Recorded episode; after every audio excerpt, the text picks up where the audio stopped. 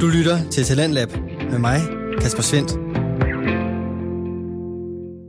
I aftens udgave, der kan jeg præsentere dig for en forsinket advarsel mod julemaden, fakta om rensdyr og en kåring af den mest ikoniske duo. Det kan jeg i fritidspodcastene Spækbrættet og Snakken der gik, og hvis du har en fritidspodcast, som du har lyst til at dele med alle os andre, så kan du få den sendt her i Talentlab. Det kan du ved at udfylde en formular, som er inde på radio4.dk, og her der kan du altså vedlægge et afsnit eller en smagsprøve på din podcast og sende det ind her til programmet. Vi har ingen begrænsninger for, hvad din podcast den skal eller kan handle om, fordi her i Talentlab, der tror vi på, at de historier, du har lyst til at dele, dem har vi lyst til at høre. Der er heller ingen krav til længden på din podcast afsnit, eller hvor tit du sender sådan et. Det første, du skal lytte til her i aften, det er et afsnit fra videnskabspodcasten Spækbrættet. Den er fra Syddansk Universitets Studenterradio Stål, og alle programmer fra Stål Radio, de bliver produceret af studerende. Men målgruppen er altså både medstuderende og den nysgerrige lytter, som dig og mig. I podcasten der forklarer de to værter, Mark Lyng og Flemming Nielsen, videnskab, så alle kan forstå det. Og i et hvert afsnit, der graver de nogle af videnskabens mest vanvittige historier og opdagelser frem. Alt sammen for at vise, at forskere også får mærkelige idéer i brusebadet, som de selv skriver. I aftens afsnit, der har de en gæst med, og det er til en snak omkring julemad og rensdyr, og det afsnit, det får du her. Velkommen til Spækbrættet, din hyggelige julestue. Jeg er Bamse på juleeventyr, Mark Lyng. Hvad? Hvad var det? Du kan ikke bare Du kan kaste den der i hovedet på mig hver gang. Selvfølgelig, selvfølgelig kan jeg det. Nu burde du efterhånden kende den. Nej, jeg tror, det er at lære noget af at blive udsat for det over tid. Ja, det havde jeg da forventet. Jeg tror, det er en af Pavlovs hunde eller sådan noget. Hvem er du? Jeg er Flemming. Og vi har i dag en gæst med. Ja, En, en velkommen tilbage gæst. ja det For er den gode anden gamle. gang har vi Rune Øbo med. Det var et år siden, han har været med sidst. År siden. Ja. Efterhånden lige præcis et år siden. Ja, cirka. Passer nok meget godt. Ja, det var den 25. sidste år. Ja, det var i hvert fald- Lige lidt ja, ud i hvert fald. ja, ja. Velkommen bliver det tilbage, sådan. Rune. Tak. Du er med, fordi at i dag der er det juletema. Du Ja. er juleånden. Der er juleånden. simpelthen. Juleånden, ja. Det er jule, juleafsnit. Er I kommet i julestemning, drenge?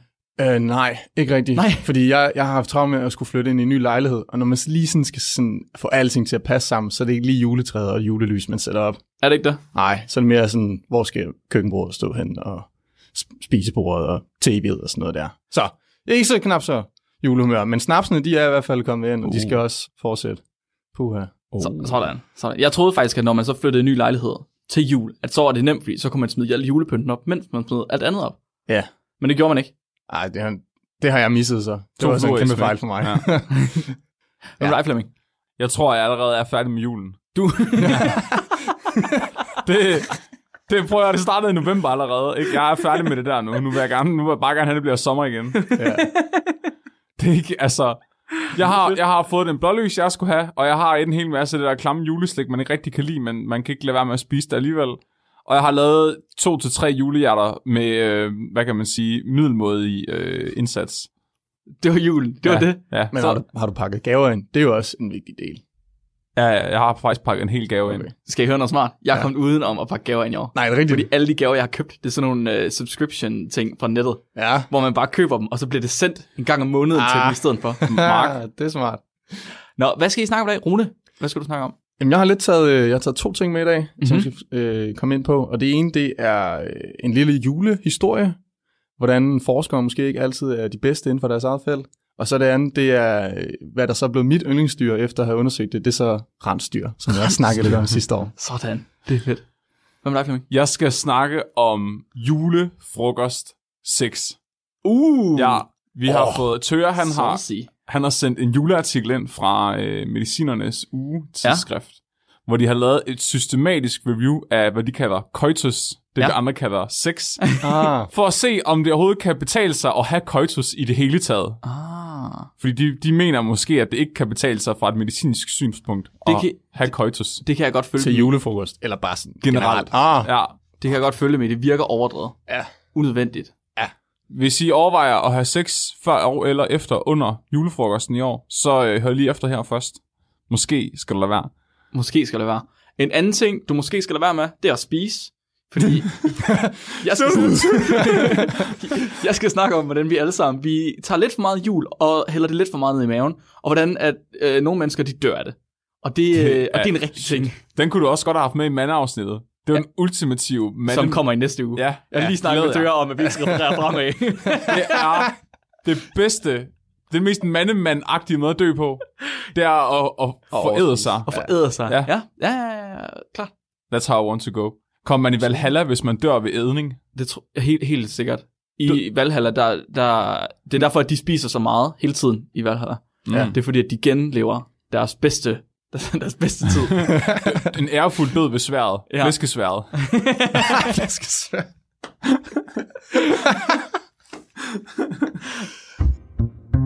er I klar til at høre lidt om, øh, om mad? Gerne. Yeah. Først og fremmest, så skal jeg lige høre, hvad spiser I til jul? Jeg tror faktisk også, jeg stillede samme spørgsmål sidste år, men lad os lige øh, få den på plads igen. Jamen, Hvad- Hvad jeg, spiser I til jul? vi spiser faktisk lidt det hele, så der er både medister og, hvad hedder det, and og øh, flæskesteg. Ja. Ja, så vi er det rigtig tykke bord. Der, der, der er mad nok. Hvad med dig, Flemming? Alt, hvad jeg kan nå. Alt, hvad du kan nå. Alt, hvad jeg kan få ind i munden, Sådan. Sådan. spiser jeg til jul. Og så til dessert får I så måske en lille portion død. Nej, Altså, jeg vil den, sige, står, den har aldrig stået på menuen. har den. det, det er tæt på død i, i min familie. Det er, det er tæt på død. Fordi, fordi vi alle sammen bare har forædt os sådan, og så kommer rigsalamangen. Og min mor, hun sørger altid for, at hun, altså, hun tager ikke bare en skål, altså hun tager, øh, altså, hun tager sådan en, en jolle, sådan en fritidsjolle, og fylder med, med risalamang, og så putter mandlen ned i. Og det, det, er ikke sådan, at der bliver delt portioner ud med en mandel i en af dem. Nej, nej, det er sådan noget, du er nødt til at foræde dig, for på et eller andet tidspunkt er der en, der finder mandlen ja, i den der. Så de står med Flemming i hovedet og røv, og så står de bare og skovler ja. Ja. mad ind i hovedet på ham. Og det ender altid med, at min far bare har fået den i første mundfuld, og siddet og gemt den. øh, Altså, øh, Røvhul. Det er det der, det det man må kun, man man ikke. når man kun er 10 mennesker, men portionen er- virker til at være anrettet til 20, og så er man sådan, nå, Ja. det skal vi så kæmpe os igennem, indtil manden er fundet. Og så begynder jeg altid at skrige og græde og blive hysterisk, fordi jeg ikke fik det, jeg ville have. Og så får jeg mandelgaven alligevel, og så er det bare altså, ja. noget marcipan, og så kan man jo ikke lade være med at spise det heller. og så, Og så dør du. ja, Fordi julen, den er pissefejl. Det er totalt min pointe, det der, Flemming. Tak, fordi du bare har skrevet under med blæk og spritus. jul, den er pissefarlig, og specielt ja. julemaden er pissefarligt, fordi til jul, der spiser vi vanvittigt meget. Ja. Flemming, han spiser vanvittigt meget. ja. 90% af os spiser faktisk så meget, at vi bliver dårlige af det til jul. Er det ikke- 90 procent. Er det ikke ulækkert? De sidste at 10 tænke procent har bare ikke råd til det. Jeg tror ikke engang, det er løgn. Jeg tror ikke engang, det er løgn. Der er 90 der er simpelthen så mange mennesker, der får øh, noget, der hedder postprandial somnolens, tror jeg siger. Det er også det, vi andre vi kalder for madkoma. Det er simpelthen det, at man bliver dårligere at spise, så man er nødt til at sidde ned, fordi at man bliver træt og ikke kan gøre noget. Vores krop den opfører sig næsten som om den er fuld, fordi vi spiser så meget. Er det ikke sindssygt? Det gør faktisk, at vi bør lade være med at sætte os bag rettet juleaften. Det er faktisk farligt for Fordi man mennesker bare har spist. fordi man har spist så meget. Wow. Når du spiser så meget, så reagerer din krop simpelthen ved, at den ændrer fuldstændig på, hvordan du opfatter ting. Fordi den skal lige pludselig til at sende, den skal til at lave en masse syre, den skal til at lave en masse galle, og så sender den en masse blod ned til det, og det betyder, at du ikke har blod til resten af kroppen, og så bliver du faktisk ør i hovedet. Okay. Fuck, hvor sejt. Det hedder postprandial somnolens, og jeg kunne ikke forestille mig andet, end at Flemming han har det. Jeg har det Fint nok. kronisk. Det er Altså, jeg bare, Jeg revurderer lige pludselig alt det der gaveåbning. Er det bare sådan noget, det skal gøres lige efter man har spist sig rigtig mæt, fordi så bliver man sådan helt, wow, jeg kan slet ikke tage stilling til, hvad, der er, hvad jeg har åbnet. Præcis. Men tak for gaven. Ekstatisk. Præcis. Jeg kan præcis. slet ikke, altså lige pludselig så er det, altså du har fået, altså de der candy stocks, og så er det bare, ej, det er verdens fedeste gave. Præcis. Det er der, det er der myten om nisser og julemanden kommer fra. det er bare fordi folk har hallucineret. De har forædt sig så meget, de har hallucineret af små nisser, der løber rundt og sådan noget. Altså, det tror jeg sgu også. Ja. Det tror jeg fandme også. Prøv at høre, et typisk dag, juleaftens dag, den består af 5.000 kalorier, kilokalorier. 5.000 kilokalorier, det er fuldstændig latterlig meget mad Per, per mand. per mand. Det er over dobbelt så meget, som man burde. Det er over dobbelt så meget, som man burde. Det er ja. Ja. dybt ulækkert. Der findes challenge-videoer på YouTube med kæmpe pumper, der laver sådan nogle cheat day udfordringer, hvor de skal æde så meget pizza, som de kan, fordi det er 5.000 kal- øh, kilokalorier, og de kan ikke komme igennem det. Men til juleaften, der spiser vi alle sammen lige syv stykker steg, og det kan vi sagtens. Åh. Det vil tage mig, en mand på 75 kilo, 20 timers bueskydning, som jo er en aktivitet, vi alle sammen kender, og forbrænde så meget. Hvis ikke I kender bueskydning, så, altså hvis ikke det er relaterbart for jer, så f- en anden relaterbar ting, det er... øh, Onani. hvad? Nå. Den havde jeg ikke lyst til. Hvor lang tid tager den her Flemming? Kan vi lige google det igen? Jeg tænker, det er det samme bevægelse som bueskydning. Og, Altså, det er også bare den ene arm, at du Ja, skal det kan du have ret i. Ja, spænde buen med. Det vil tage mig 35,5 timers flyvning og brænde, forbrænde. Flyvning? Ja. Som, Flyvning? som pilot, ikke som en. Nå, okay. Nå. Ah. Åh, shit, jeg troede lige pludselig, du skulle have vinger, og så skulle du op og bare, held og lykke. Og så sidder I garanteret og tænker, jamen Mark, det er jo ikke noget problem. Fordi når jeg har slugt min syvende flæskesteg med sprøde svær, uden at tyk, Så sætter jeg dem bare over til de andre fede onkler, og så drikker jeg en halv liter portvin. Der er ingen grund til at rejse sig nogen steder. Der er ingen grund til at tage nogen steder. Det er lige meget. Man sætter sig bare ned. juleaften. Men så nemt er det slet ikke. Så nemt er det bare overhovedet ikke.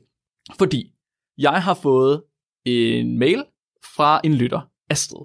Ja. Astrid, hun skriver, at hun er paramediciner, og hun kører ambulance. Og det er snart juleaften, og så hører man altid om folk, som bliver akut indlagt osv., fordi de, quote unquote, har spist for meget eller noget. Og så, det synes man jo virker ret åndssvagt. Men Nu har vi lige hørt om det her postprandial somnolens. Og det kan blive endnu værre end det. Så hun skriver, at de gange hun har arbejdet juleaften, der er det så sikkert som armen i kirken, at kl. 18.30 til 19, der bryder helvede løs. Oh, Meldingen lyder tit noget i retning af bevidstløs, livløs eller mistanke om slagtilfælde Åh, og så videre. oh, bare et så meget, en man har time. mistet bevidstheden. Det er tit midaldrende og især ældre mennesker, der fejler lidt i forvejen og tager medicin. De får et ildbefindende lige omkring desserten med åndenød, brystsmerter, koldsveden, opkast, sort tale og eller besvimelse. Bare et så meget rødkål, at kroppen siger, ej, nu slukker vi kraftet med. De fleste får det hurtigt bedre, men enkelte får hjertestop og Nej. dør. Åh, Nej! åh. Ej! Og det er stort set det, ambulancerne laver juleaften og det meste af natten med. Og øh, Uh. jeg har simpelthen kigget lidt på det her. Astrid, hun har sendt en masse gode artikler med, og øh, lavet en masse godt forarbejde for mig, som jeg så har kigget lidt ind i. Og det, der sker, det er, at til jul, der får folk, de får simpelthen postprandial hypotension. Så postprandial, det havde vi lige før, det betyder efter et måltid. Mm. Og hypotension, det betyder et fald i blodsukker. Ja. Så der sker simpelthen det, at man spiser for meget, og så falder ens blodsukker, i stedet for at stige. Når man Og- spiser. Ja, når man spiser. Okay. Så øh, Astrid, hun skriver det her igen. Fænomenet skyldes ofte pludselig blodtryksfald, postprandial hypotension. Øh, Mængden af mad, høj energitæthed, udspilet mavesæk for hurtig mavetømning kan være nogle af de udløsende, skråstreg medvirkende faktorer. Det er ikke nødvendigvis kun relateret til blodsukker og insulinrespons, som jeg ellers kan tro. Og jeg har faktisk kigget på det her, fordi når man hører sådan her, så tænker man, okay, blodsukker, det må være noget med glukose, noget med insulin. Ja. Men det har det så åbenbart ikke nødvendigvis. Fordi den forskning, der er lavet på det her, nogle af de artikler, hun har sendt ind, der har de forsøgt at give gamle mennesker, i de fleste tilfælde ældre mennesker, øh, sukkervand. Og i et af studierne, der har de givet gamle mennesker sukker, sukkervand i forskellige koncentrationer, men også i forskellige mængder. Så nogen har fået 200 ml, nogen har fået 600 ml Ah, ja. og nogen har fået 10%, og nogen har fået 30%. Og det viser sig, at det har ingenting med koncentration at gøre, om blodsukker det falder bagefter. Uanset hvad for koncentration man får, så falder det en lille smule lige bagefter. Men hvis man får 600 ml frem for 200 ml, så falder det mere Så hvis, jo mere du fylder mavesækken, jo Ja. mere falder dit blodsukker. præcis. What? Man er ikke helt sikker på, hvorfor man tror, det er noget nervesystem, et eller andet, der fucker op, et hormon, der måske ikke forstår, hvad der, er, der sker. Men et eller andet med, at maven bliver simpelthen udspilet, så kroppen er sådan lidt, øh, hvad skal jeg gøre? Og så går den bare, øh, Men, men er, det så, er det så 600 ml med samme koncentration, som hvis man gav 200 ml? Mhm. Mm-hmm. Men så er der jo også mere sukker i det jo. øh nej, så, så sukkermængden er det samme, tror jeg. Så, vi, så hvis man siger, vi Den bruger vi, totale hælder- vi hælder sukkermængde er 30 det gram samme. sukker i Ja, 200 jeg ja, tror, ml og 30 gram i 600 ml. De har prøvet og så- begge dele. Okay, Så det, var- det har ikke noget med den totale sukkermængde at gøre. Det havde heller, eller den absolute sukkermængde. Ja, okay. Og det havde heller ikke noget med koncentration at gøre. okay. Ja, så det, det var ren volumen bestemt. okay. Simpelthen. Sindssygt. Simpelthen. Det er dybt, dybt ulækkert. Og det, det, er faktisk, det er faktisk rigtig farligt, det her. Så det her, det var et af studierne. Det andet, eller nogle af studierne, de andre studier, de øh, handler lidt mere om død. Klassisk overgang. Fordi der er nogen, der simpelthen har gået ind og kigget på, øh, hvordan dødstallet det ligger omkring juletiden. ja. specifikt i forhold til hjerteproblemer. Til at starte med var der nogen, der lavede et studie i USA, hvor de så kiggede på, hvordan ser øh, dødsfaldene, der har med hjerteproblemer ud. Og det viser sig, at det er cirka en 5% stigning i øh, forbindelse med jul. Så der er cirka 5% stigning i dødsfald, der er forbundet med hjertekarproblemer omkring julen. Det er godt nok meget. Det er faktisk rigtig Faktisk meget. Virkelig meget. Og så kunne man jo forestille sig, okay, hvad nu, hvis det bare er fordi, at det er vinter, man spiser meget. Men det var der så et andet studie, der tog fat i, og de tænkte, okay, fint nok, så går vi ned og kigger på New Zealand. For New Zealand holder stadig jul på samme tid, men på det tidspunkt er det sommer nede ved dem. Ja. Det vil sige, det er altså 30 grader varmt, eller 40 grader varmt, eller varmt du er nede i New Zealand. Og der ser man præcis samme tendens. 5% stigning i dødsfald på grund af hjerteproblemer. Prøv lige tænk, prøv lige at overveje det her. Vi laver faktisk et selektionspres på folk, der kan tåle at overæde. Ja. Lige nu, der, lige nu, der bliver folk udvalgt for at være gode til at binge-æde uden at dø. Det er rigtigt. Og Det er smukt. Naturen er bare så smuk. Ikke? Om, om 300 år, så er vi bare optimeret op- os selv, altså vores krop til at kunne æde uanede mængder af mad, altså uden at Så er det dø af pludselig det. 5.000 kilokalorier, så er det 10.000, man bare kan spise juleaften, og så er det bare helt fint. Ej, hvor vanvittigt. Vi bliver bare et, altså, vi bliver bare et langt røvhul. Vi bliver et langt røvhul. Ja. Det er jeg slet ikke i tvivl om. Endnu mere, end vi er i forvejen, ikke? Altså, Jeg kiggede lidt på, hvad kan vi gøre for ligesom at redde os selv fra det her? Hvad er det, hvad er det vi skal gøre for at løse det her? Og løsningerne, de er... Der er ikke nogen lø- de- løsninger. Der er nogle løsninger, som siger, lad være med at spise. Men det er jo de kedelige løsninger. Ja, Ja, ja. de, fleste, Ej. de, de, fleste hjemmesider, jeg gik ind på, de sagde faktisk, men det gider vi jo ikke. Der er ingen, der har lyst til at lade være med at spise. Vi skal have de der 5.000 kalorier, ellers så dør vi. Det er jo klart. Og vi dør også, hvis vi får dem. Så det, man gør i stedet for, nogle studier, de har undersøgt, fordi at det kommer af, at maven bliver udspilet, og man kan træne sig til det. åh, nej, Ligesom nej. konkurrencespisere. Ja, ja. Om man simpelthen kan udspille maven på forhånd, og så hjælpe sig selv til, at Nå, men så dør du ikke af det. Ej, hvor er det sind... Det er bare folk, der dør af sult på den anden side af jorden, ikke? Og vi, vi er bare sådan, hvordan kan jeg optimere min ædning? Og man, Hvordan kan jeg få det mindre dårligt juleaften? Ja. og man kan kræfte med med udspille maven på ja forhånd. selvfølgelig kan man det. Åh, Hvis du, nej. drikker, hvis du drikker en halv liter vand til en liter vand, inden du går i gang med at æde julemad, så, så mindsker du sandsynligheden for at få det her. Nej, så er Jo. det lige smurt. øh, Nej, det, jo. Er, det, er vand nok til bare at, at modbygge det her? Bare det at udspille maven, det gør simpelthen, at din krop den ikke sænker blodtrykket. Eller, ja. øh, jo, blodtrykket, når det er, at du begynder at, at æde. det er sådan vandrutsjebane af flæskesteg der. Er det ikke fucking sindssygt? Jeg troede, det var sådan en dyr løsning, man skulle til at tage til. Altså, så skulle man spise mere mad sådan to uger før, og sådan, altså virkelig kunne mærke det på bankkontoen. Ja. Nu skal man bare drikke en liter vand Ja. ja. en time før. Det er simpelthen... Der er, der er andre studier, der også har set på, okay, hvad skal man spise, for at det sker? Og de Ja. fandt ud af, at det var hovedsageligt simple kulhydrater, altså sukker og slik og sådan noget, Ja. som udløste. Så hvis du spiser en masse øh, slik eller marmelade eller et eller andet i forbindelse med julemaden, så har du større sandsynlighed for at få det her dyk i blodtryk. Så det, du skal gøre i stedet for, det er, at du skal spise stivelse, kartofler, Åh. oh. råbrød. Ja. Nej, Vi har gider styr man på det i ikke. Danmark. Prøv, kartoflerne, det er jo bare, altså, det er jo bare det, man spiser, fordi mor siger, man skal. Er det rigtigt? Ja, Og jeg elsker jeg kartofler. hader kartofler. Jo, kartofler og sovs, det er det bedste. Ej, kartofler, Men så, det skal så være de hvide kartofler, ikke de brune kartofler. Ja, det vil jeg gerne give dig ret i. Ja, am- altså, fordi ellers så ja. Ja. dør du af det. Nej, men jeg kan faktisk slet ikke lide brune kartofler, så det Kan du er ikke? Åh, jo... jeg kan godt lide dem. Jeg synes, det er Hold kæft, prøv at høre, hvad jeg har arbejdet med herinde i studiet. Det er fordi, du æder fedtkanten på flæskesteg ja. Ja. alene, uden ja. noget andet. Det er det, du vil jeg have. sidder bare, har du tænkt dig at spise den der? Nej, du må ikke give den til hunden. jeg, jeg kravler bare rundt nedenunder bordet og stikker hovedet op mellem benene på folk. Det går og snubber maven ud af der ben, man ligger. Åh, oh, ja. oh, det er klamt. Den sidste ting, vi kan gøre, ja. det er at tage det slap af.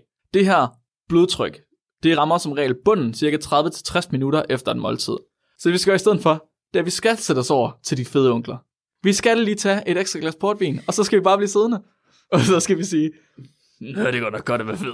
det var dejligt at være fed. yeah. Det var mit, det var mit uh, lille indslag om, hvordan vi kan overleve uh, juleædningen Åh, oh, gud. i aften. Det er i aften, I skal gøre det for Ja, sig, men det er Drik jeg tror, vand. det er- dævlerne. Drik noget vand nu. nu, nu, Ja. nu, nu, nu, nu. Satan, I kan nå det nu. I Og så hørte det? spise- Ja. Det er Vi måske spiser lidt kartofler. fjollet, hvis man gør det klokken 8 om morgenen, og så er det sådan... Var det ikke en time før, man skulle gøre det? Ja, jeg ved ikke, om- det ved jeg ikke. Nej. Du skal udspille maven. Bare prøv at gøre det i løbet af hele dagen. Men der er jo også lavet samme studie omkring, altså det at være altså, skulle til buffet. Fordi så, hvad hedder det, alle folk går jo og tror, Nå, men hvad nu hvis jeg er rigtig sulten? Mhm. Mm-hmm. Så kan jeg nemlig spise meget mere mad til buffeten. Aha. Ja, men det kan du faktisk ikke. Ah. Aha. Det er faktisk, du skal have din mave skal være udspilet og skal være klar til buffeten, Hmm. igennem at du har spist noget andet mad i løbet af dagen, og ikke sådan sulte dig øh, til buffeten. Nej, det er sindssygt. Ja. Astrid, hun skrev også, inden hun sagde, at man så også det her fænomen i forbindelse med andre højtider. Altså men generelt set med højtider. Så sådan noget som øh, et, altså ramadan. Ja. Ja. Der ser man også, øh, at folk de ligesom overspiser sig, når det er ramadan bliver afsluttet, ja. og Ja. de, skal til, de endelig må spise igen. Men det er også fordi, de har jo også gået og sultet sig i alle døgnets Ja, ja, ja. timer. Eller ikke i døgnets timer, men i solens timer. kan Ja, man ja. sige. Thanksgiving i USA er også øh, en stor, stor øh, faktor for, at man ligesom Ja. dør af at overspise. Ej, det, var det. det er så ulækkert. Men hvornår er det så, der er øh, Black Friday i forhold til Thanksgiving? Er det en uge efter, eller er det samme dag? Er det ikke samme dag? Er det samme dag? Jeg ved ikke, hvad der afgør øh, Thanksgiving. At, falder det altid på en fredag? Er det ikke den sidste fredag i måneden? Ja, det tror jeg. Og jeg tror, Black Friday det er samme. Ja, Nej, det, det tror jeg. jeg. Men så er det jo meget godt lige at få pulsen op, efter man går ud og sådan, du ved, lige tæsket et par småbær, ja. for for jeg skal have den der 80, 80 tommer til plads på tv. Der stod ikke noget om, hvordan træning det er involveret, eller hvordan det, øh, hvad hedder det havde, havde en fak- Hvad det gjorde ved det her? Men det er jo også egentlig, altså Måske. øget hjertefrekvens. Ja, det er rigtigt. Det kan være, du Sådan, kunne når man blodtrykket lige- op på ja, den måde. ja. ja, ja, ja. Tror I, vi har, altså statistisk set, ikke? Så har vi reddet et liv i dag med spækbrættet. Ja, det, Ja. det tror jeg. Din farmor, hun overlever nu. Fordi hun har Øj. fået et abonnement til spækbrættet. Ja. ja. Fordi- Og hun har drukket en halv liter vand, inden hun gik i gang med at æde. Fordi hun hørte spækbrættet. Ja. Nu siger jeg ikke, at det skal være en, altså en hel procent af de her øh, hjerteanfald skal falde, men måske bare lige 0,1. Ja. Ja. Det kunne være ret fedt. Vi kunne- på grund af Spækbrættet spækbrættet. effekten, ja. Ja. Videnskab.dk, jeg må godt samle den her op. og Facebook og BT og det Ja, hele. tak. Alt skal publiceres. Yes. Ja. Lidt ligesom, øh, ligesom, lidt ligesom julemanden, så har jeg jo været på en god rejse, for jeg tænkte, jeg skulle finde noget, noget rigtig sjovt at snakke om omkring julen. Men når man ligesom først har plyndret alle fakta omkring julemanden af, så blev det lige pludselig lidt et tørt emne. Nå, Så, øh, så jeg gik på øh, ikke Nobelpris. Ja. Improbable. Den Der er kender dog vi. ikke Der. Ja, det kender jeg det kan nemlig. jeg godt lide. Det var så første skridt. Og der kommer en masse godt, når man søger på Christmas. Der kommer sådan noget med convulsions at Christmas, white Christmas, white noise, og when seafood scientists became food poisoned by their own. Og det var sjovt nok den, jeg klikkede på. Oh, fordi Gud. det var, det var sgu lige noget, der, der tiltrak mig der. Jeg klikkede sådan på den her, og så kommer der ligesom sådan en artikel frem, og det er skrevet...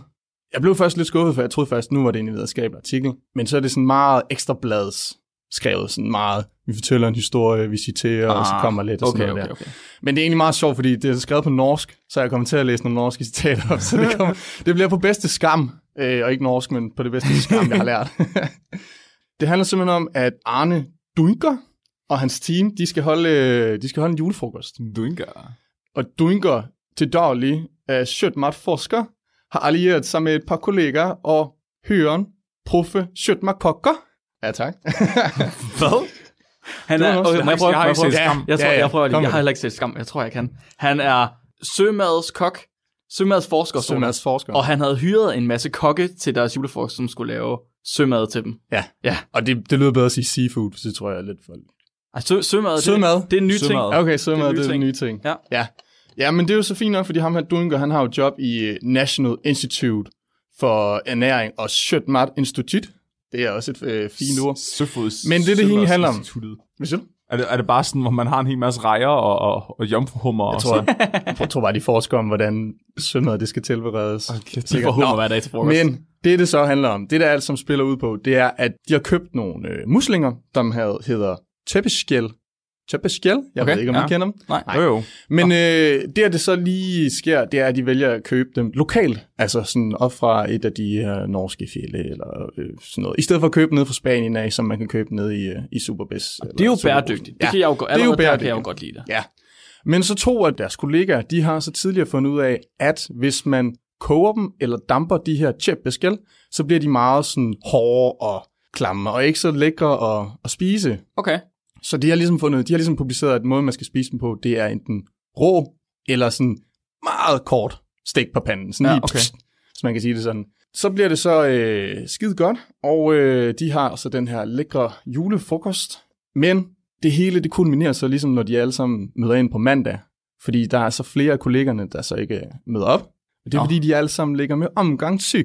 Nej. Åh, nej. Ja, Åh. oh. simpelthen. Så det, du siger, det er, at der er et hold af, af seafood-videnskabsfolk, Ja. som får seafood poisoning til deres egen julefrokost. Ja, Hold kæft, man. Åh, det elsker jeg. Præcis, og det er derfor forskere måske ikke altid er gode, eller sådan, de bedste til at udføre deres eget erhverv, hvis man kan sige det Det er, sådan. ligesom, det, det er ligesom psykologer, det er altid dem, der har det mest fucked up liv, altså. Ja. øh, Det er altid Åh, ja. terapeuter, der har børn, der har brug for at gå i terapi. Men det er meget sjældent, det er tømmer eller murer, der bygger hus, der falder sammen. Ja. Altså, det, jeg ved Men ikke, bor de ikke tit i hus, der er i hvert fald sammen? nej, har de ikke altid, det tror jeg ikke. Godt, Nå. har de det? Ikke de, ikke de Ellers murer, så jeg Altså, kender, i bygger hvert de fald, dem men om, det er også, jeg kender også Ja. kun jyske murer. Nå ja, det er selvfølgelig Nå ja, noget andet. ja. Det er sådan meget, ja. Men jeg tænker, kan vide om det her, det i virkeligheden er et tilfælde af, af sådan en overlagt øh, forgiftning. ja, men det kan jo være, at jeg lige kommer ind på det. Jo. Uh. Fordi vi er nemlig ikke helt færdige, fordi så, øh, hvad hedder det, og jeg tror det er om tirsdagen, så kommer en af deres kollegaer så hjem. Og han laver så en case study, fordi han kan se, at der er rigtig mange af dem, der er blevet syge. Det giver Så han udsender et spørgeskema, og fællesnævneren, det er så den her tjeppeskjæl suppe. Ja. Og heldigvis, så er der lige noget tilbage i køleskabet. så han Rester. går ind og tager nogle prøver, og finder så ud af, at der findes to former for norovirus i den her tjeppeskjæl Er det rigtigt? suppe. Ja. og det, finder, det resulterer så i, at de, at de spurgte tilbage og finder ud af, at det faktisk der, hvor de har købt dem herfra, de havde haft oversvømmelse, så deres rensningsanlæg havde svømmet over og flødet ud i den flod, sø, hvor de der tjeppiske muslinger nu havde ligget.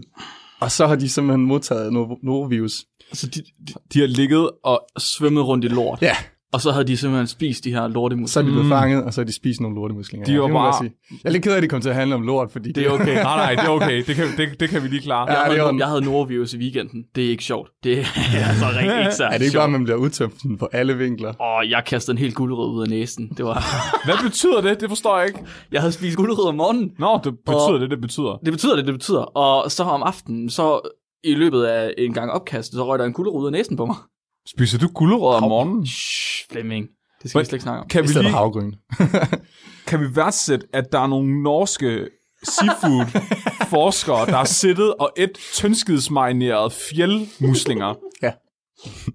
Fordi Det- det, de ikke er blevet tilberedt ordentligt. er fucking som, bammel. som nogle af deres kolleger egentlig allerede havde forsket om, hvordan de skulle tilberedes. De er eksperter i, hvordan man ikke dør af det her. De er eksperter i, hvordan man ikke bliver syge, og så bliver de syge. Det er fucking godt. Ja. Nå, men det resulterer så i, at de får publiceret en, øh, en artikel Nå, Nå, i øh, Food and Environmental Vi- Virology, fordi de ligesom fandt ud af, at når man tilbereder de her muslinger i suppen, så skal man tage højde for porcelænet, fordi når man hælder suppen op, så udgiver den jo en masse varme, men porcelænet modtager jo også en masse varme, så derfor er suppen ikke nødvendigvis 50 grader eller lidt derover, som er nok til at opvarme den her musling, og derved skadeliggøre norovirusen. Så derfor, altså artiklen handlede simpelthen om, du skal huske, at porcelæn også optager varme fra din suppe. Ej. Det er godt, der kom noget godt ud af sådan Ja, en ja. madforgiftning, var. Det fik de simpelthen en, øh, en, en publiceret artikel på. Kæft, man. Tænk, der skulle Roskilde syge til for at få noget publiceret. Ja. Godt nok. Altså, hvis jeg kunne komme med, i- altså hvis jeg kunne blive citeret i et paper, så havde jeg fandme med glæde fået tyndskid for det. Du, var, du, var, du bliver faktisk kun citeret, når du er Roskilde syge. Ja. ja. Case study. acknowledgement ned i bunden. Sådan. tak til Flemme, fordi I var tyndskid. ja, men øh, så det er jo egentlig bare et vigtigt budskab om, hvordan man egentlig skal huske at lære sine fejl, ja. Det synes og jeg er hvordan forskere også nogle gange fejler, selv inden for deres eget emne. rigtig, rigtig fornuftigt. Ja. Rigtig fornuftigt. Det her, det minder mig sådan lidt om øh, Mensa. Mensa. Ja, Altså, mig og Mark, vi har jo taget Mensa-optagelsestesten, Ja. ja. og en af de ting, vi øh, lå mærke til, det var, at... Norovirus, eller hvad? Øh, nej, men det er, det er, at, det er at, at de jo altså, reklamerer for sig selv som værende verdens klogeste mennesker. Åh, gud, ja. De siger jo selv, at øh, for at være med i Mensa, så skal du være en top 1% klogeste del af befolkningen. Men de havde faktisk lavet en regnefejl, da de skulle finde ud af, hvad ens IQ skulle være for at komme ind, så de er nødt til at tage top 2% ind nu, fordi at øh, de har lavet den her regnefejl, så de ikke kunne screene for 1%. Det synes jeg, det kan jeg godt lide. Ja, så det er sådan lidt det samme, ikke? Som, som seafood-forskere, der får seafood Ja. poisoning. Ja. De klogeste fejler i at være kloge. ja. Ja, Så husk at være perfekt. dumme. Ja, husk, Jeg at husker at være være dumme. dumme. Det er Godt vigtigt. budskab lige at sende ud til uh, juleaften her. Sådan. Jamen, så er min anden del her, det handler jo om rensdyr, og det skal jeg simpelthen forklare jer om, hvorfor det er blevet mit yndlingsdyr. Ja, tak. Så tænk lige at komme med nogle, øh, nogle gode facts om rensdyr til at starte med.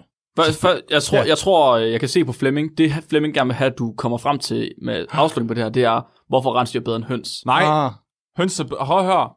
Høns er bedre end rensdyr. På Jeg- Tåsinge, julemanden, han har faktisk høns foran kanen på Tåsinge. han, de kan sådan set næsten også flyve. så det er Alle, jo- alle børnene får en kylling. Ja, det er så dumt, ikke? Børn kan godt tro på, øh, på flyvende rensdyr, men flyvende høns, det kan de slet ikke... Øh. nej, det kan man ikke se. Nej, flyvende høns.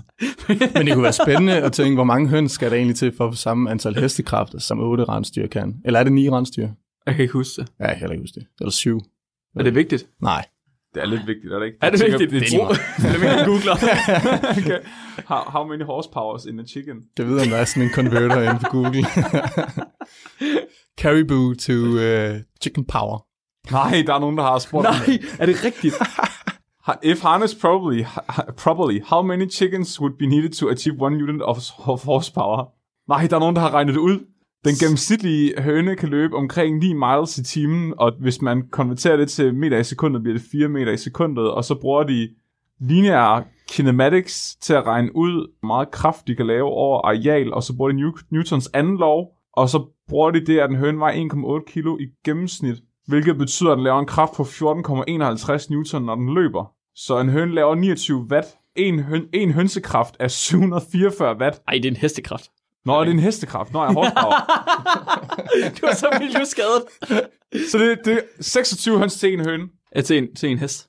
26 høns til en hest. Ja. 6, det er faktisk ikke, jeg havde regnet med, at det ville være flere. Det er ret imponerende. 26 Det er høns. 26 høns. faktisk Ja. ikke så slemt. Nu, du stjal Runes segment. Nej, det gør jeg Om ikke. Prøv lige, rensdyr. at- du står der Nå, og ja. nævner høns. Nå. Du, ja. Nå, Kom så. skal vi hoppe tilbage til rensdyr? Ja. Okay. Nå, men det her, som det her vi simpelthen skal snakke om, det er jo, at I har jo lige snakket om global opvarmning, eller klimaforandring, må man heller kalde det. Og det, skyr, det gør jo så, en, res- altså en konsekvens af det, er jo, det er jo, at isen smelter. Åh oh, nej. Og det gør jo, at jagtområderne for det her dyr, hvad, altså, kan I prøve at gætte, hvad, for er det, hvad er det for dyr, der altid bliver set som udryddelsestruet, når isen forsvinder og mister sit jagtområde? Det er lidt et rovdyr. Løven? Ismand. Ismanden, tæt på. Var vi tæt på? ja, det er faktisk isbjørnen. Nå! Ah. Ja, jeg tænkte, det var sådan måske den mest sådan, søndebuksen, nej, den der sådan, får mest opmærksomhed i den Ja. ja. globale opvarmning. Ja. Nå. Men det gør jo så, at den kommer længere ind på land, og det gør jo så, at den kommer til at skubbe lidt til de her rensdyrgrupper, Mhm. og det gør jo så, at de kommer tættere ind på menneskene. Ah. Så derfor er det jo ret relevant at vide, hvornår menneskene, altså, fordi så det, som det her studie går ud på, det er jo den her fight, flight and fight response. Så det er jo nysgerrig at vide, hvornår eller flygter rensdyrene fra menneskene, eller går de bare til angreb, fordi de kan se, okay, vi er en større flok. Går bare til angreb. Ja, så det er jo øh, det, er jo det der er nysgerrigt. Det er spørgsmålet, det er hypotesen inden for det her. Rensdyr angriber mennesker. Ja, det, Det er det kunne have været hypotesen. sindssygt. Shit. Hvis du er bange for rensdyr, så skal du bare sørge, han, sørge for at have en flok med på 27 høns. Ja. Ja. Fordi så er det lige præcis nok høns til at besejre øh, rensdyret. rensdyr. Ja. Et rensdyr. Når de så går i en gruppering af 40, så Det er ligesom det der spørgsmål, hvor mange ender skal der til for at smadre en hest? How many horse-sized dogs do I need to kill uh, a thousand dog-sized horses? Oh. Det er der sikkert der er nogen, der har regnet. Nå, med. jamen vi har så to kyndige nordmænd, der altså ligesom øh, vil finde ud af, okay, løber rensdyr fra, fra mennesker, eller gør de ikke? Og det er Ejkel Reimers og Sindre Efterstøl. Det er et klassisk norsk navn.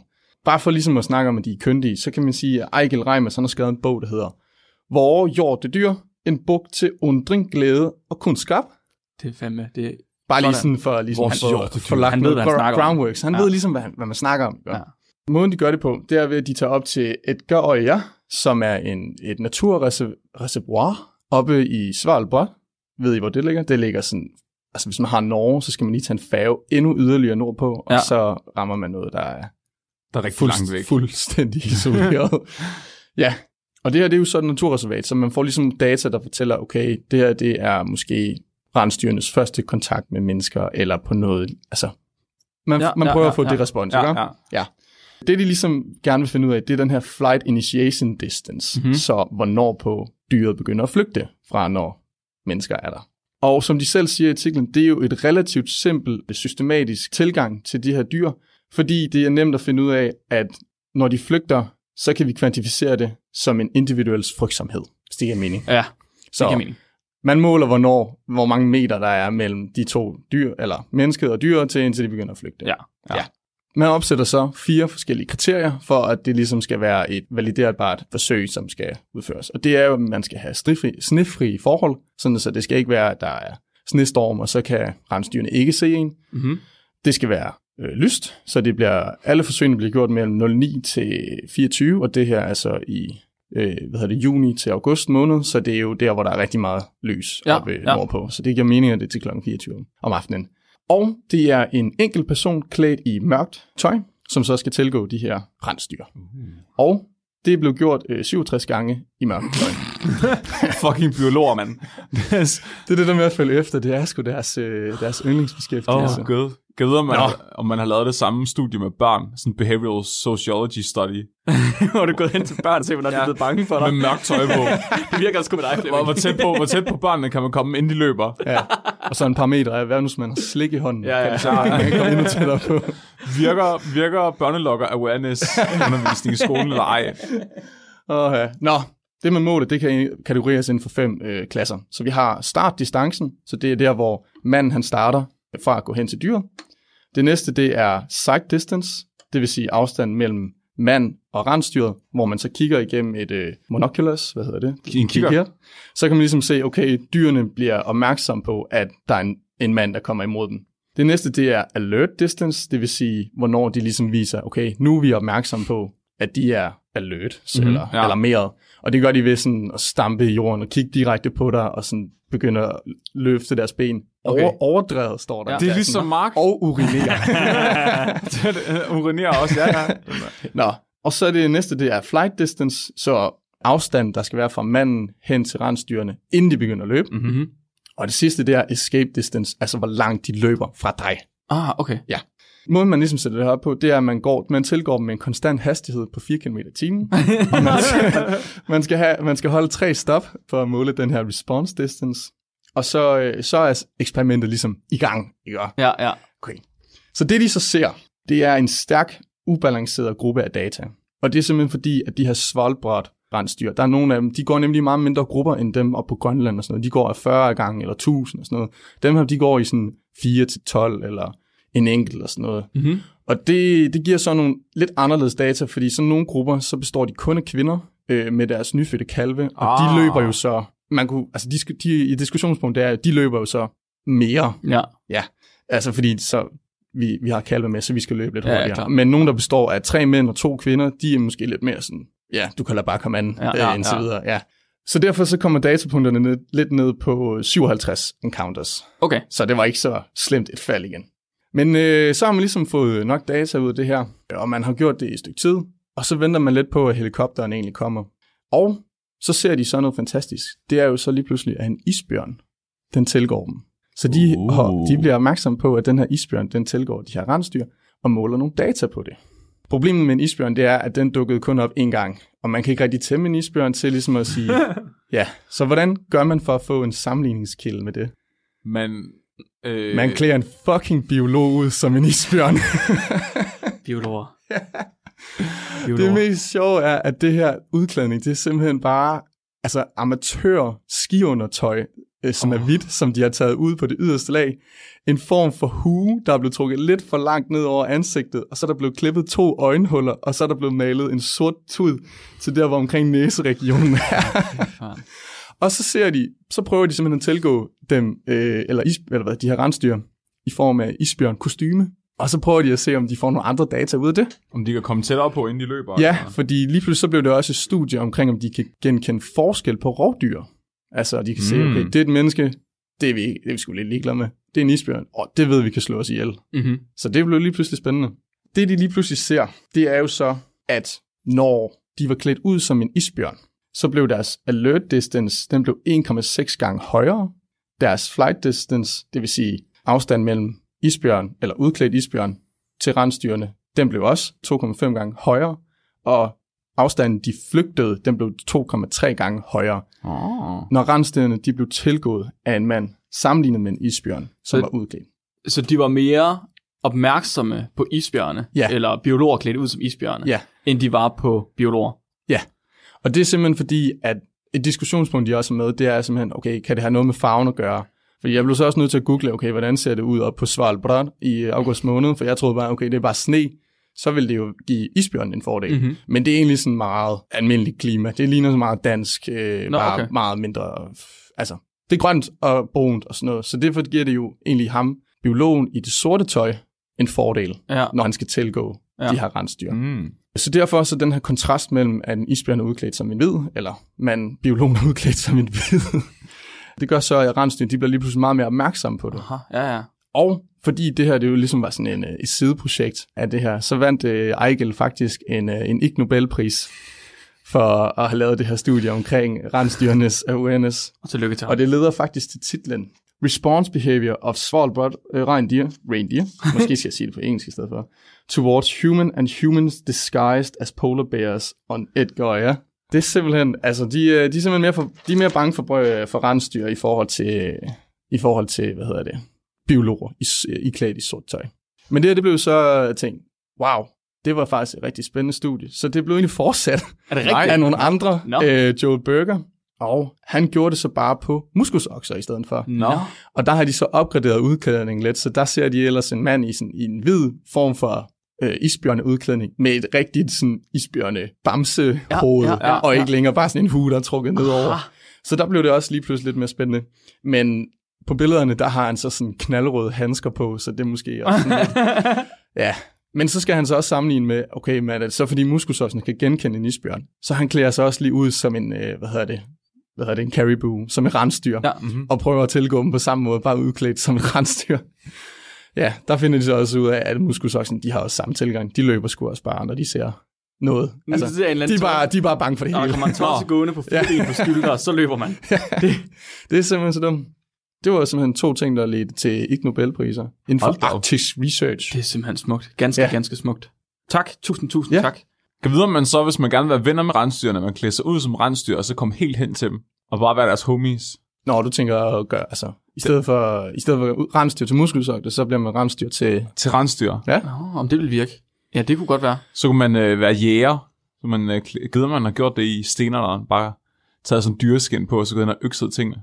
Så bare komme rigtig tæt på, og så bare... Hua! Ja, sådan en øksejagt. Jeg tror satme, du skal satme være dygtig. Du skal godt nok, du skal kunne dit rensdyrkald. Det Meget, tror jeg. men er det ikke ja. ja. ligesom lidt ham der som Lion Man? Han går jo heller ikke i bad og sådan noget der, for at blive en del af, af løveflokken, fordi at, så skal han begynde at lugte ligesom området og sådan nogle ting. Og han, altså, han ruller vist også i deres urin og sådan noget, for at det ligesom, altså, så han kommer til at, at, at minde mere om en løve, og knap så meget om et byttedyr. Det er fucking sindssygt. Jeg går heller ikke i bad for, ellers så kan min høns ikke kende mig. Det er også fucking Det synes jeg godt lige, sindssygt. jeg kunne fornemme. Ja. Ja. Jeg troede, det var sådan en odør. Nej, det, ja, nej, men det er bare naturligt. Ah, okay. Ja. Derfor man kan lugte dig 100 meter væk. jeg havde bare tænkt, det var sådan, det var. Gnår mig ind i æggeskaller hver dag. Jeg skal tale om øh, den her artikel, der er udgivet af Medicinernes Uges tidsskrift. Ja. Og øh, medicinerne, de har en meget, meget bestemt form for humor, som jeg har fundet ud af, at jeg rigtig godt kan lide. og det er Tør, der har sendt den ind, og jeg tænker simpelthen, at han har opdaget den, fordi hans far er vist læge, så vidt jeg ved. Ja. Ja, Han havde sendt en ind tidligere til os også, for lang tid siden, Ja. ja. der handlede om makrelinduceret søvn. ja nå, den har vi haft med i podcasten Ja. også. Ja. Det her, det er så deres julespecial. Så der er nogen, der har været inde og lave noget research omkring julen og omkring julefrokoster. Aha. Specifikt er det interesseret i det her med coitus, Ja. altså sex. Altid spændende. Sex. emne. Ja. Og det er jo sex. Det er jo den mest sexede måde, du kan sige sex på, det er coitus. Hvad så, skal der? Skal du have noget coitus? Ej, Altså, så er du nødt til at sige det meget videnskabeligt. Hvad så, skal der? Skal du have noget? Koitus? Undskyld mig, øh, Coitus? jeg kunne vældig godt bruge noget af det her sådan coitus. Ja, jeg har noget ude bagved, så det... Le- leverer de? er de leveringsdygtige? Nej, det er desværre i restlevering. Jeg har været med for mange i dag. Nå, men det er de... Ad. Restlevering. tak, Flemming. Det er virkelig nasty. det tog, det tog Øj. lidt tid for at komme derop. Ja, jeg skulle lige... Jamen, jeg har ikke sovet så meget af det. Så det, de siger, det er... Og jeg bliver nødt til at læse noget af det her op, og I kan selv... Øh, jeg lægger, vi lægger kilder ind, så I selv kan gå ind og læse den her, fordi det synes jeg, I skulle tage at gøre. Forskere har i hundredvis af år forsøgt at løse menneskehedens store gåde. Hvad er coitus, og hvad skal det gøre godt for? Jamen, hvad er det? Skadevirkningerne ved coitus er mange, og kan være alvorlige, men er der egentlig nogen fordele, der retfærdiggør risikoen for seksuelt overførte infektionssygdomme, uønskede graviditeter, sabarokrinale blødninger, vaginal Fedt ord. toproptur og penisfrakturer. Nej, det lyder meget forfærdeligt. Så de siger, at på et videnskabeligt synspunkt, så giver det ingen mening, at vi boller hinanden. Nej, det jeg kan godt forstå det. Ja. Der Det er, ikke, lød faktisk ret ubehageligt. altså, der er ikke noget formål med det, og vi kommer hele tiden bare til skade og bliver syge. Ja. Så de vil gerne undersøge, hvorfor. Og de vil gerne undersøge, altså prøve at belyse det her, hvorfor boller vi egentlig? Altså det giver ingen mening fra et videnskabeligt synspunkt. Nej. Og det er jo det, det er gode læger, de er jo videnskabsfolk. Så de laver et systematisk review. Og et systematisk review, det har vi haft ind- med inden for øh, i afsnittet om computerproblemer. Der Ja. havde Bamset med, der handlede om softwareingeniører. Det går egentlig ud på, at øh, man sætter sig ned og kigger på de her databaser, hvor at alle forskningsartiklerne ligger. Og så søger du på nogle ting, og så begynder du ellers at sortere de her artikler for nogle kriterier. Så det, de har gjort, det er, at de har søgt på nogle forskellige termer inde på det, der hedder Medline, som er medicinernes database for videnskabelige artikler. Mm-hmm. Mhm. De har søgt på coitus, intercourse, bonking, nuki, Ej. fornicate, fuck og shag. Og så har de kun søgt Shag. efter øh, ra- randomiserede studier. Det vil sige studier, hvor man har lavet sådan nogle random blindteste, Ja. hvor man har sammenlignet sex med en eller anden anden intervention. Okay? Oh, Så de har sammenlignet sex med et eller andet andet, ja. Ja. randomiseret. Og der har de så fundet en hel masse forskellige studier. Og øh, lige inden vi fortsætter, så vil de gerne lige prøve at definere coitus, fordi coitus er jo mystisk. Hvad er coitus ja. Ja. egentlig? de, de skriver faktisk også i starten, at interessekonflikter, det skal man altid gøre, når man laver god forskning. Ja, det er klart. Øh, og der skriver de, at enkelte af forfatterne har selv prøvet coitus. Nej. Ingen andre. Forfatterens Påvirket kilde. MJE-formular er tilgængelige sammen med artiklen på uskriftet.dk. Så de har indrømmer faktisk selv, at de har deltaget i coitus. Det, er- det, det er ulækkert. Hvad, hvad tror I definitionen på coitus er, øh, ifølge den her artikel? Det var ikke det der med orkestret. Nej, det er ikke noget med et orkester. Du, Nå. har faktisk, jeg, du har faktisk godt det forkert i, f- i, f- i forhold til videnskaben i hvert fald. Ja, ja. Jeg skal ikke kunne sige, hvad din øh, kusine sagde til det, men... Øh, Grand Cousin. Nej, nå, nej, nej, nej, det var nej. ulækkert. Nej, nu stop, stop. Nå, Rune, hvad tror du så, der er? Hvis ikke, altså, øh, coitus. ja, hvis ikke det... øh, Jeg tror, det har noget med... øh, Fordi jeg hører jo ordet, at det var noget penis fracture. Ja. Ja, det synes jeg, der er blevet sagt. Så jeg tror, det har noget med, med mandens øh, nederdel. at Ja, gøre. godt Men bud. så- Så, og Og så, så, ind på noget her. øh, og så, øh, altså, Jeg skal lige være med. Penisfraktur, det var en bivirkning, og ikke det, der skulle ske, ikke? nej, det er, en bi- nej, det er ikke meningen, det skal. Det er ikke din, meningen. Det er ikke Nej. meningen, at din pik den Ej. skal knække. Nej. nej, okay. Godt. Men så tror jeg lidt, at jeg satser på, at det penis skal bruges til at, Og bore i at noget. bore i noget, måske. Ja, ja, ja, ja, og det, det er faktisk Men helt det kan jo rigtigt. både være, Okay. okay. altså, der er jo, altså, der er jo ingen grænser for, hvad det kan bruge i, jo. Nej. Altså, Så de, de, øh, de går til den bedste kilde, coitus kilde, der findes, Bill Clinton. Ja. De, de bruger Bill Clintons definition på coitus i den her artikel, som er den fysiske forening af en mandlig og kvindelig genitalia, akkompagneret af rytmiske bevægelser, der ofte, men ikke altid, fører til ejakulering af sæd fra penis ind i den kvindelige reproduktionstrakt. det er genialt. Har han, har han, produktionstræk. Hold da op et guldord. Må jeg godt se, må jeg godt, må jeg godt røre ved din reproduktionstrakt?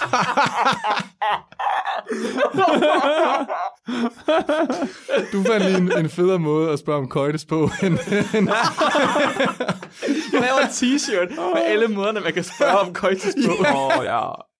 Jeg køber den. Reproduks- det mest sexede udtryk nogensinde. Reproduktionstrakt. produktion. Det kan man ikke. Sammen med Greffenberg-punktet. Åh, oh, god, Åh. ja. Den sidder lige over øh, reproduktionstrakten. Nej, det gør den jo ikke. Den sidder inde i. Eller Så hvordan? inde i et eller andet Ja. sted. Ej, jeg har ikke hørt efter den dag alligevel. Nej. Gud, jeg, har- jeg har helt manglet helt ild til hjernen nu. Huha, og, men de skriver selv, at de, de anerkender faktisk, at det her det er en meget snæver øhm, definition. Fordi for det, Nå, jeg første, tror, det var øh, indgang, du skulle til at sige. for det første, så begrænser det jo deltagernes køn til at være mand og kvinde, og antallet til at være to, og ruten til at være vaginal. De siger også, at det begrænser arten til kun at være homo sapiens. Det kunne måske også være andre dyr, der indgår i det her coitus. De siger i virkeligheden, at Bill Clinton er en dårlig biolog. Er det her? De siger i hvert fald, at han er meget heteronormativ. Okay. De siger heller ikke, at de tager, de tager heller ikke højde for partnernes kønsidentitet. Ah. Hvem gør det nu om dagen? Altså, Og nej, ja. Ja. det ved jeg ikke. Ja. Vi, vi er tager også- bare, vi det er tager jo bare, svært. vi kan få, ikke? Jo, jo, jo, jo. De siger heller ikke, at øh, der bliver sat nogen tidsgrænse for, hvor lang tid øh, det her akt, det varer. Så de siger basically, at øh, det her, det udelukker jo folk, der aldrig bliver færdige, eller folk, der har sex med heste, og eller øh, flere mennesker på én gang. Som, som Gud ville have det. Ja, det er meget kristen, det her. ja. De begynder at ekskludere nogle artikler, så de har lavet sådan en pipeline, så de finder en hel masse artikler. Efter de først har søgt på databasen efter de her ord, og de har sagt, at vi vil gerne have randomiseret øh, forsøg, der sammenligner sex med noget andet, så fandt de 1121 artikler. 1121 artikler sammenligner sex med et eller andet andet.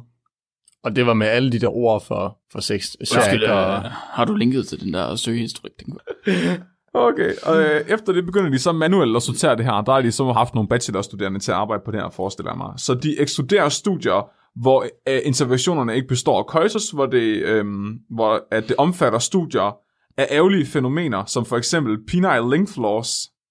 Dem var der... Wow. Ja. De udelukker dem, som øh, handler med- om sammenligningen mellem rytmisk øh, rapmusik og have sex i 9. klasse, effekten af kvindelig masturbationstræning, multivitamins påvirkning på seksuel aktivitet blandt ungarske par, kines, kinesiske forskningsmetoder til at skræmme mænd fra at have ubeskyttet analsex,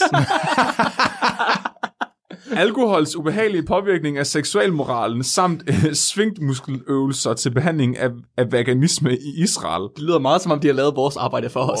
Vi må ligeledes ekskludere et, et ellers vigtigt mandeorienteret perspektiv, nemlig hvordan intranasal oxytocin mod nedsat sexlyst giver kvinden før, givet til kvinden før samleje, samleje bedre mandens seksuelle oplevelse.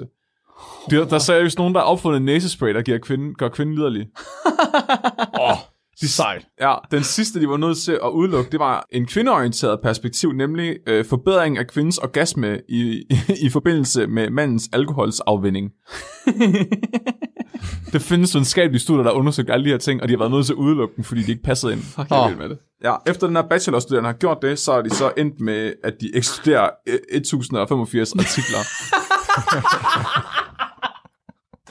og tilbage sidder vi...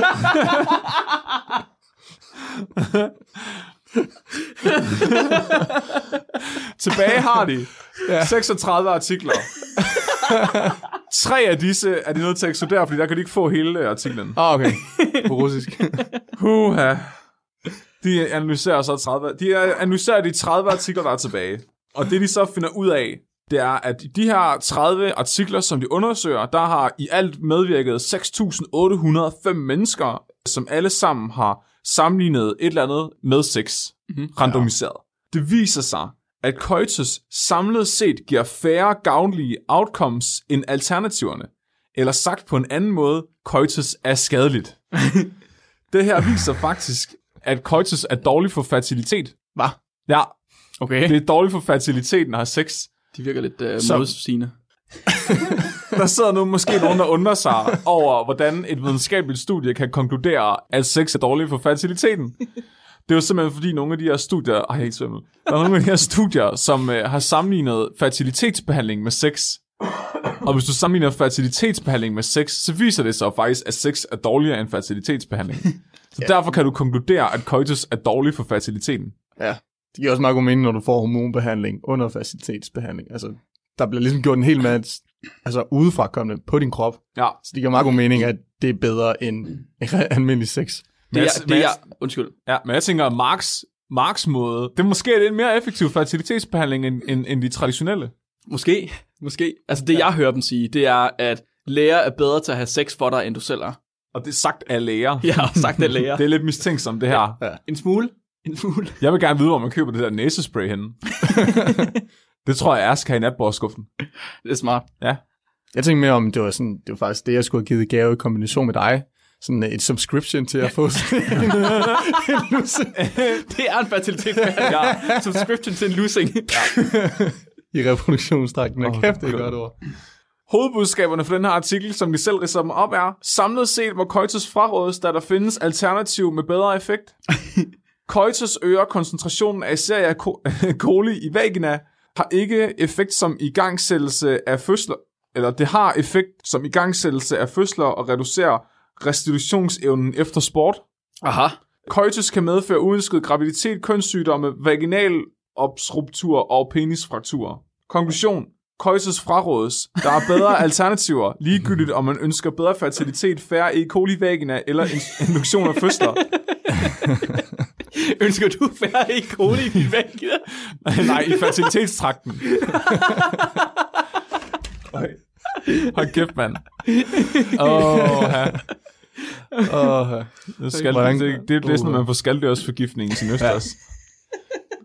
Altså, jeg synes, det er det virkelig, virkelig fedt. Ikke kun fordi det handler om, øh, om reproduktionstrakte, men også fordi, at det faktisk viser, i gåseøjne, god videnskab egentlig kan blive forvrænget til at give et billede af noget, der måske ikke helt passer. Det er faktisk rigtigt, ja. Altså, så, så selvom at det her det er lavet for sjov, og selvom en af deres grafer forestiller et juletræ, så har de jo faktisk øh, lavet altså, re- et review af, af videnskabelige publikationer, og er kommet frem til, at øh, coitus er unødvendigt og dårligt for fertiliteten. Ja, det er rigtigt. Det er faktisk ret tankevækkende, var. Ja, Lidt, lidt, ja.